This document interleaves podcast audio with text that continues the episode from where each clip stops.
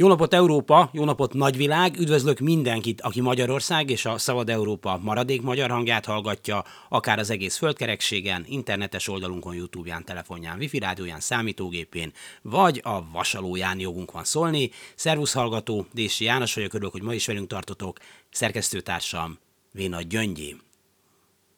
A világ visszafolytott lélegzettel figyelte, vajon mit mond Putyin a moszkvai diszemlén a győzelem napján.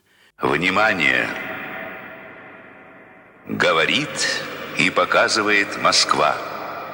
Végül is semmi különöset, a helybéli szokásoknak megfelelően össze-vissza hazudott egy sort arról, hogy Ukrajna meg akarta támadni Oroszországot, meg hogy még atomfegyvert is bevetett volna Oroszország ellen, és a többi. Mondjuk Ukrajnának nincs atomfegyvere, és hogy az oroszok szállták meg már évekkel ezelőtt az Ukrajnához tartozó területeket, kit érdekel, hazudtak, mert volt kinek. Ahogy nyilván arról sem szokás beszélni, hogy Stalin mégiscsak Hitler szövetségeseként ment bele abba a háborúba, és közösen foglaltak el és osztottak szét egy független államot, Lengyelországot, amely után most a győzelmet ünneplik, még akkor is, ha később történt, ami történt.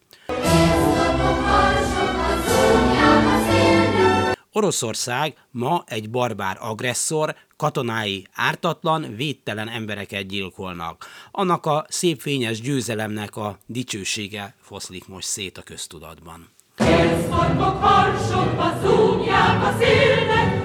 Már ahol persze, mert Magyarország aktuális ura Putyin mm, szekerét tolja, és a saját híveinek egy része ettől aztán rögtön megértőbb lesz a putyini gyilkológépezettel kapcsolatban ami már csak azért is felettébb rémisztő, mert ezek szerint van honfitársainknak egy igen jelentős csoportja, amelynek tagjai bármilyen barbársághoz képesek asszisztálni, ha éppen ehhez uszítják. Természetesen ezek most csak szavak, de ha ezek a derék magyar honfitársak erre képesek, akkor nyilván akadnak köztük olyanok, akik igény esetén bármilyen galátságra hajlandóak lennének.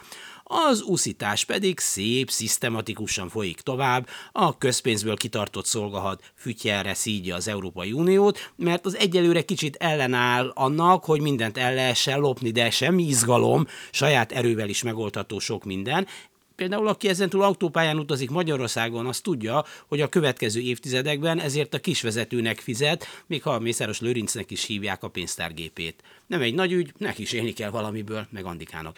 Közben az amerikai elnök felesége Ukrajnába látogatott, és a környékbeli országokba utazik, fontos jelét adni annak, hogy az Egyesült Államok kit kiket támogat. Magyarországot nagy évben elkerülte, talán nem volt kedve találkoznia azokkal, akik megrendelésére sorra születnek az úgynevezett elemzések arról, hogy tulajdonképpen az ukránok és persze az amerikaiak tehetnek mindenről. Meg talán azokkal sem, akik mindezt elhiszik.